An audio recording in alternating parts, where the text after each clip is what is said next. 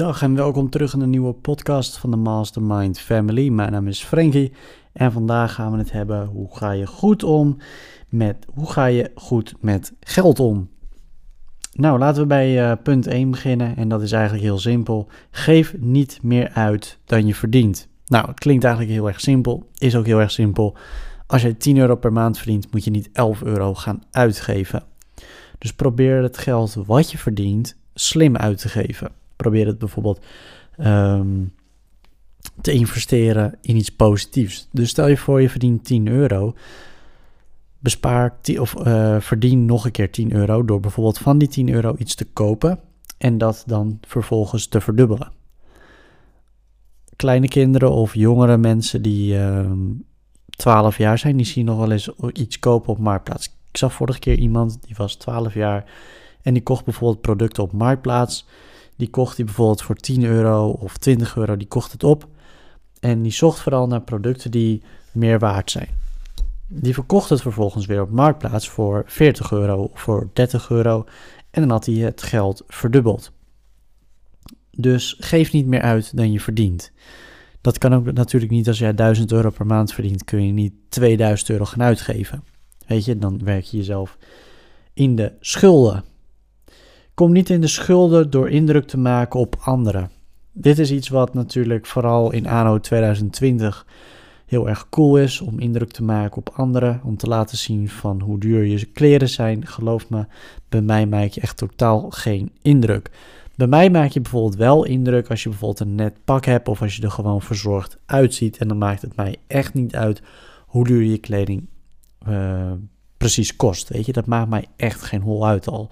Heb je het gratis gekregen? Als het er mooi uitziet, je ziet er verzorgd uit, dan, ehm, dan is dat voor mij en ik denk voor iedereen al een hele vooruitgang.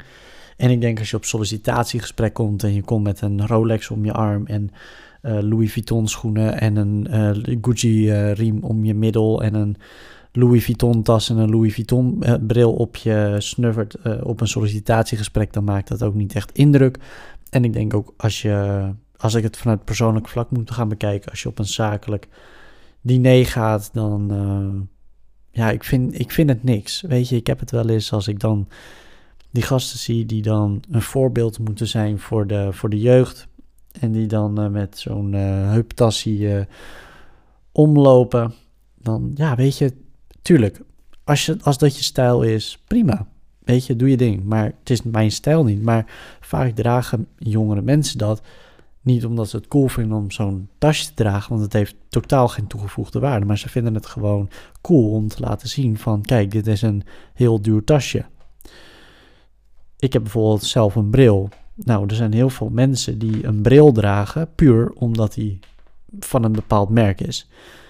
En ik ben totaal niet tegen bijvoorbeeld als iemand het echte merk koopt. Weet je, prima, mensen kopen het echte merk.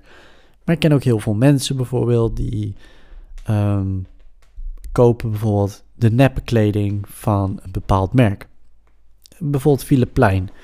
Heel veel mensen in Nederland, in Europa, buiten Europa, bijna iedereen die je ziet met Plein kleding, 98% of misschien wel 99% of 90% is nep. Waarom? Philip Plein kleding is echt heel erg duur. Is echt heel erg duur. Als je echt de designkleding van Philip Plein bekijkt, en dan heb ik het niet over de simpele t-shirts van Philip Plein maar heb ik het echt over de designkleding. Die jassen van Philip Plein, daar betaal je zo um, een paar duizend euro voor. Nou, heel erg leuk. Er zijn, uh, ja, er zijn heel veel mensen die geld lenen om bijvoorbeeld indruk te maken op anderen. Ik vind dat als je gewoon lekker jezelf bent, uh, of dat dan dure kleding zijn of zo, maakt eigenlijk in principe niet uit. Weet je, als jij je fijn voelt in wat dan ook, maar ja, om goed om te gaan met je geld, denk ik niet dat dat zit in kleding. Weet je, of het moet echt je ego strelen dat het je, dat het je heel succesvol moet lijken. Uh, ik heb ook wel eens een keer gehoord dat iemand uh, ehm, 15.000 euro zijn laatste 15.000 euro uit heeft gegeven aan een pak. Overdreven. Ik vind het echt overdreven, want voor misschien 1000 euro was je ook gewoon klaar geweest. Dat je een perfect pak gehad. Dus ehm, ja, ik vind het overdreven. Maar goed. Uh, blijf je geld investeren en blijf op je geld letten.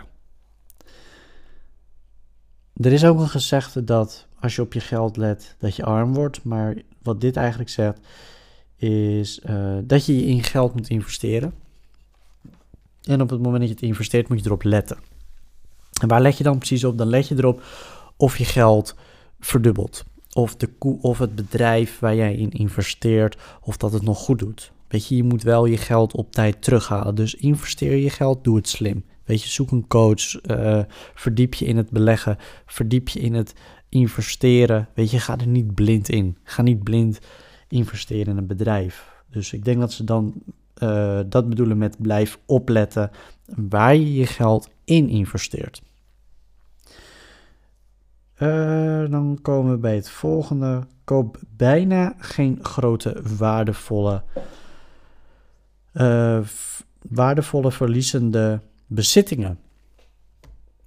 En dat zijn eigenlijk dingen waarvan de waarde uh, wegvalt op het moment dat je het koopt. En, en, dan gaat het vooral over een auto. Een auto verliest eigenlijk al zijn waarde op het moment dat je eigenlijk die auto op je naam hebt staan. Weet je, die auto die staat in de garage, die staat daar in de hoek. En een simpel voorbeeld, er was een vrouw die had de postcode loterij gewonnen en kreeg een, een Mini Cooper. Geloof ik, een Mini Cooper. Echt een splinternieuwe Mini Cooper. En die ging hem ophalen, maar ja, ze had al een Mini Cooper. En ze dacht, ik moet die auto niet. Garage, jullie mogen nog gewoon weer houden. Geef me het geld maar, dan ben ik diep gelukkig. Punt was, die Mini Cooper was iets van 35.000 euro. En de garage gaf er maar 25.000. Zoiets. Sorry hoor. Die gaf er iets van 25.000 euro. Dus zij had zoiets van: hey, dit klopt niet. Weet je, 25.000 euro is die auto. Maar op het moment dat een auto op jouw naam staat. en je gaat hem weer terugverkopen aan de dealer, is hij tweedehands. En op het moment dat een auto tweedehands is, is hij minder waard. Dus een auto verliest gewoon zijn waarde. Je kan er ook voor kiezen om bijvoorbeeld een auto te leasen. Maar waarin investeer je dan? Je investeert in een auto, maar levert een auto geld op? Nee, het is gewoon een, een dode investering. Het is een, een investering die zich niet terugverdient. Weet je, je kan een huis kopen of je kan een huis huren. Als je een huis huurt, zal het nooit van jou zijn. Als jij een huis koopt, dan weet je, het huis is over 25 jaar van mij, want dan heb ik het afbetaald en dan is het huis gewoon van mij en dan is het mijn eigendom. Maar wat jij huurt, dat wordt nooit van jou. Dus daar moet je jezelf heel erg van bewust maken. Een horloge vind ik op zich wel weer een hele goede investering, omdat een horloge verdient, of de, zakt niet zo snel in zijn waarde, mits het een duur horloge is. Stel je hebt een horloge van 15.000 euro, dan blijft die 15.000 euro heus wel hangen. Ik heb bijvoorbeeld een zegelring, maar van die zegelring weet ik die waarde van de zegelring blijft. Want het is goud. En goud kan nog wel eens stijgen in zijn waarde, maar het zal niet veel minder worden. Kijk, een auto verliest ieder jaar 10% van zijn waarde, maar goud niet. Goud verliest misschien één keer een paar procent, maar zal daarna gewoon zijn waarde blijven behouden.